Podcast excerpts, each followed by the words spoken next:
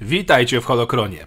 Dzisiaj przyjrzymy się dokładniej podwójnemu mieczowi świetlnemu, jego budowie, historii i zastosowaniu. Kto go używał, jakiego stylu walki wymagał i kto stworzył go jako pierwszy.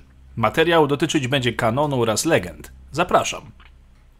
Miecz świetlny z podwójnym ostrzem to po prostu miecz świetlny z emiterami ostrza na obu końcach. Taką broń można było dzierżyć jako typowy miecz świetlny z pojedynczym ostrzem, gdy tylko jedno ostrze było odpalone. Ten styl miecza świetlnego miał kilka wariantów, na przykład zawiasowo składane, których używał m.in. Pong Krell oraz niektórzy ze straży świątyni Jedi.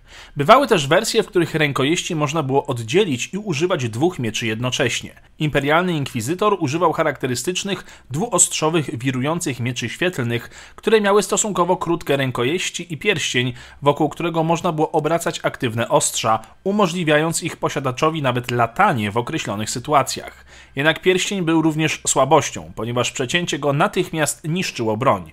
Boleśnie przekonał się o tym wielki inkwizytor.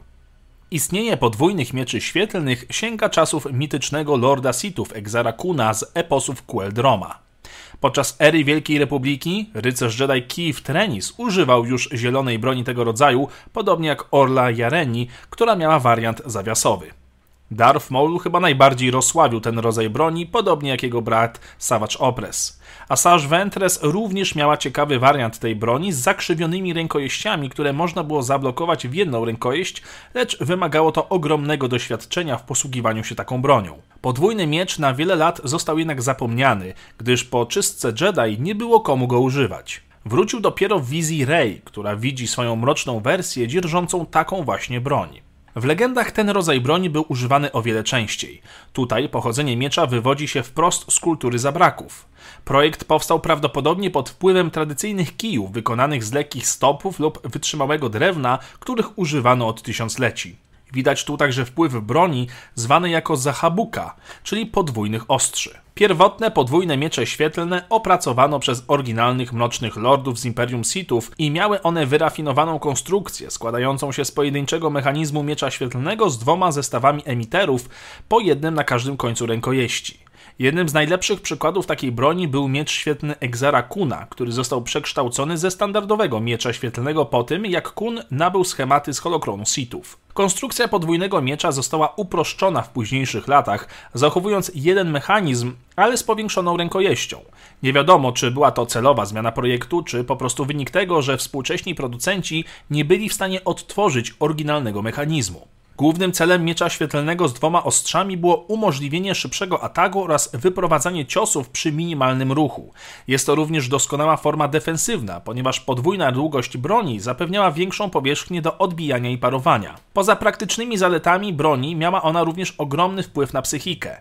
Podwójne ostrza zwiększały efekt wizualny broni, a w walce przeciwnicy intuicyjnie próbowali śledzić ostrza osobno, a nie jako pojedynczą broń, co miało dla nich zgubny wpływ. Jednak pomimo wszystkich zalet broni, jej słabości były również oczywiste. Aby skutecznie posługiwać się bronią, wymagane było specjalne szkolenie, a ci, którzy próbowali opanować tą sztukę bez należytej dyscypliny, łatwo pozbywali się kończyn lub życia. Techniki, które można było zastosować w przypadku dwuostrzowego miecza świetlnego, były bardzo ograniczone, ponieważ drugie ostrze uniemożliwiało wykonanie wielu pozycji i ruchów lub wymagało od posiadacza niezgrabnego obracania się wokół broni. Wiele technik wymagało od użytkownika wykonywania skomplikowanych ruchów w celu poruszania kijem wokół ciała, pozostawiając je otwarte, a każda metoda walki, która skupiała się na sile lub penetracji, była trudna do zastosowania. Ponadto powiększona rękojeść, wspólna dla większości dwuostrzowych mieczy świetlnych, stanowiła duży cel, trudny do obrony. Przeciwnicy często próbowali użyć znaku kontaktowego Sun Diem i nawet doświadczeni szermierze byli podatni na tą taktykę. Sun Diem był atakiem używanym przez Jedi, który niszczył lub rozbrajał broń przeciwnika bez fizycznego narażania przeciwnika na obrażenia. Jednak wojownik, który używał bardziej współczesnego projektu miecza, miał w tym przypadku opcję awaryjną w postaci osobnego mechanizmu, który pozwalał mieczowi, a właściwie teraz już mieczom, działać dalej po przecięciu. Z powodu tych wielu wad większość Jedi oraz Sithów wybierała pojedyncze klasyczne ostrza. To jednakże sprawiało, że zdecydowana większość wojowników nie miała żadnego doświadczenia w walce z podwójnym mieczem, co zresztą doprowadziło do śmierci samego mistrza Qui-Gon Historia powstania miecza jest tu taka sama jak w kanonie, ale to właśnie ta z legend została kanonizowana. To Exar Kun stworzył pierwszą broń tego typu, która z czasem zyskała popularność wśród Sithów, a potem Jedi, choć Rada zawsze uważała, że ta broń to zbyt wiele i lepszy jest tradycyjny miecz. Za czasów Starego Imperium Sithów broni tej używali głównie inkwizytorzy Sithów oraz negocjatorzy Jedi. W ciągu następnych tysiącleci dwusieczne miecze świetlne zniknęły w mrokach historii. Podczas gdy Jedi od czasu do czasu używali ich do celów szkoleniowych, ich użycie w walce stało się praktycznie niespotykane. Z tego powodu pojawienie się Darth Maula dzierżącego tą broń było ogromnym szokiem. Potem widywano ją jeszcze podczas wojen klonów. Gdy nastała czystka Jedi, broń ponownie została zapomniana. Później zaś pojawiała się sporadycznie, ale nigdy nie na dużą skalę, bowiem od zawsze była to broń bardzo specyficzna i wymagająca specjalnego podejścia. Najlepszą formą w kontekście obrony było tutaj wybranie formy trzeciej, Soresu, ale najczęściej używano formy szóstej, czyli Niman, oraz formy siódmej, czyli Yoyu, będącej najczęściej domeną ciemnej strony.